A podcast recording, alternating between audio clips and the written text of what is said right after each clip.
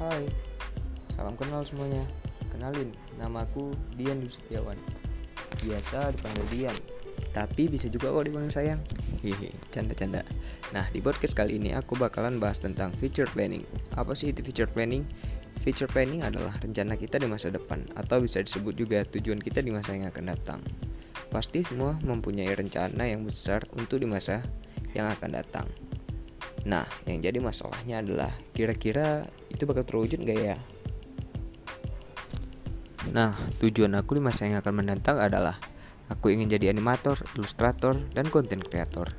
Kalau diperkirakan, ini cukup banyak sih. Alasan aku ingin menjadi animator karena aku ingin seperti Masashi Kishimoto. Mungkin beberapa orang tahu siapa itu Masashi Kishimoto. Dan buat yang belum tahu siapa itu Masashi Kishimoto, Masashi Kishimoto adalah sang pencipta animasi Naruto. Ya ini kartun yang menemani masa kecil kita. Aku ingin jadi animator karena aku ingin membuka studio dan membesarkan animasi di Indonesia. Yang kedua, alasan aku ingin menjadi ilustrator. Karena aku suka menggambar, menciptakan ide-ide yang menarik seperti dunia fantasi.